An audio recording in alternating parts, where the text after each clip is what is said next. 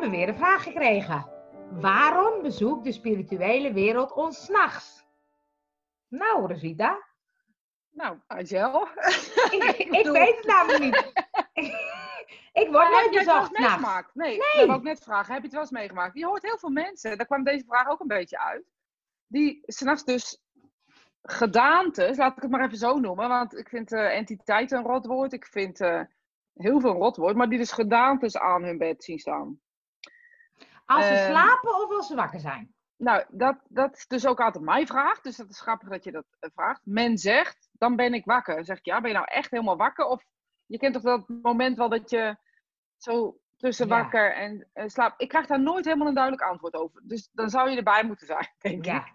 Ja. Um, maar weet je, het, je hebt toch ook wel zo'n zo'n um, moment. Ja, ik zou bijna willen zeggen, als je koorts hebt, hè, heb je dat wel eens gehad dat je dan ook een beetje dromenland en hier bent, zeg maar, dat je daar een beetje tussen houdt. Okay. Heb ik ook niet. Nee, heb ik ook niet. Interessant. Ik ben heel gezond. Ja, nou, als ik dus koorts heb, zit ik ook een beetje tussen. En voordat je gaat slapen en zo halverwege de nacht heb je ook wel van die momenten dat je dan wakker wordt. En denk, ja, deze droom ga ik echt onthouden. Um, en dan val je in slaap en dan weet, je, dan weet je niet meer dat je gedroomd hebt. En ik vermoed dat in die tussenfase, dus dat je nog een beetje aan het slapen bent, een beetje wakker bent, dat mensen dus uh, bezoekers, laat ik het maar zo zeggen, zien. Nou, dat hebben we dan één. Hè? Waar, hoe, waar zit dat dan in? Zijn ze dan uh, wakker of zijn ze aan het dromen? Dus ik denk dat het een beetje ertussen hangt. Nu maak ik even een zijstapje. Daar hou ik van, hè? dat weet je. Ja, ja, ja, ik ga met je mee. Goed zo. Nou, we zijn even op het, op het pad ernaast. En het pad ernaast, de spirituele wereld zegt over dromen bijvoorbeeld.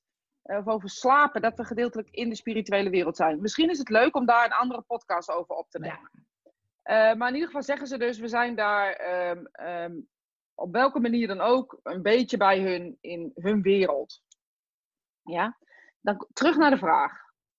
Dus waarom bezoekt de spirituele wereld ons nachts? En mensen zien dan schimmen of, of gedaantes aan hun bed. Ik vermoed dat het in deze staat is. Dus op het moment dat je naar de spirituele wereld gaat, tussen aanhalingstekens in je dromen, um, kan de spirituele wereld dus ook in jouw uh, bewustzijn komen. En kan het zijn dat in jouw bewustzijn je dus echt het idee hebt dat er aan je voeteneind, dus 3D, zeg maar, iemand staat. Dus dat je echt denkt, nou, daar staat iemand. En sommige mensen zien er dan licht omheen. Uh, sommige mensen uh, zien dan bijvoorbeeld een zwarte schim voorbij komen. Of ze zien een zwart. Ze kunnen ook wel vaak definiëren of het een man of een vrouw is.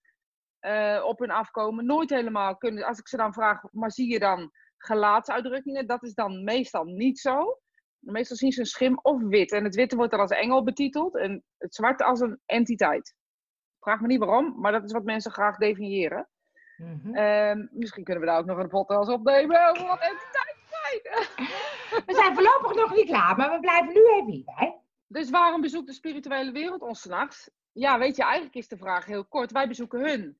Dus op het moment dat wij ja. uh, hun bezoeken, uh, of wij met elkaar een verbindenis aangaan, net zoals wij dat nu hebben in gesprek, dan kan het dus zijn dat je dat dus meekrijgt, of op welke manier dan ook voelt en merkt, dat de spirituele wereld dus um, bij jou is. En ja, dat. En zijn het dan, kunnen het dan ook bekenden zijn? Dat kan, maar als het een schim is, is het heel lastig om een bekende te definiëren, toch? Ja, maar ik heb ook wel eens gehoord dat mensen dan zeggen: hé, hey, mijn vader was overleden en opeens stond hij bij mijn bed. Ja, maar dan is het echt een duidelijk beeld of het gevoel. Dus dat is een beetje uh, het duale natuurlijk in dit. Um, is het je gevoel die weet dat je vader is? Of is het je uh, mind-eye die weet dat je vader is? Je derde oog, hè, zeggen ze, mind-eye noem ik het liever. Dus dan zie je, denk je te zien buiten je hoofd, maar eigenlijk zie je het in je hoofd. Alleen het projecteert zich als het ware als een videofilmpje buiten je hoofd. En het kan in deze fases van dromende staten, nog niet helemaal wakkere staten, uh, et cetera. Maar is het dan niet gewoon een hersenspinsel?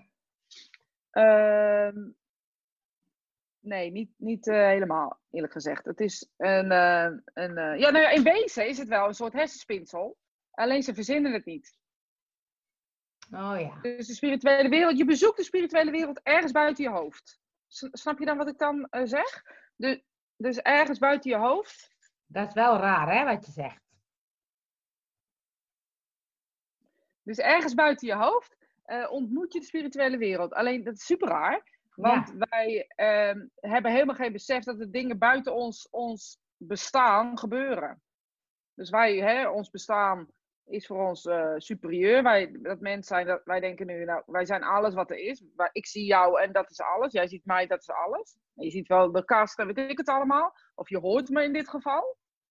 Um, dus mijn stem is voor jou echt. Dus dat stukje is, is uh, superieur gemaakt, weet je. Dan zeg ik niet dat het niet waar is, want ik weet echt wel dat het waar is. Alleen ik weet ook dat de spirituele wereld waar is. Ja. En dat we ergens in de, in de, in de uh, misschien moet ik zeggen wel krochten van onze gedachten, ergens uh, uh, een plek hebben waar we hun kunnen ontmoeten. En dat is vrij bijzonder als je daarover nadenkt. Dat is ook wel getest hoor, Angel. Hoe test je dat dan? Ja, dat testen ze met hersengolvenmetingen. Dus dan, um, zeg maar, in de, in de slaapstaat ben je zo, in de droomstaat ben je zo, excuus. Um, in de uh, praatstaat, nou, in de praatstaat ben je zo. En op het moment dat de spirituele wereld uh, dichterbij komt, zijn de andere uh, gedeeltes in je hersens actief. Die dus niet actief kunnen zijn als je wakker bent. Dat zijn dus, zeg maar, gedeeltes in je hoofd. Ik, ga, wil niet de technische verhalen ophangen. Maar dat zijn dus gedeeltes in je hoofd die normaal alleen maar in je slaap- of droomstoestand actief zijn. En die zijn dan, als je wakker bent, ook actief. En dan heb je een soort uh, contact. Ja, daarin kunnen ze zien. Weet je, wat, is, wat wetenschappers dan zeggen? Oké, dit is niet helemaal normaal. We weten dus niet of dit een communicatie met de spirituele wereld is. Want ja, hè, hun eh, beleven dat niet, want jij beleeft het alleen in je hoofd. Ja. Uh, maar ze zeggen wel dat dit vreemd en apart is dat deze uh, gebieden oplichten op het moment dat je wakker bent en dus normaal met jou communiceert. En op het moment dat ik de spirituele wereld voel, dat er dus dingen in mijn hoofd gebeuren.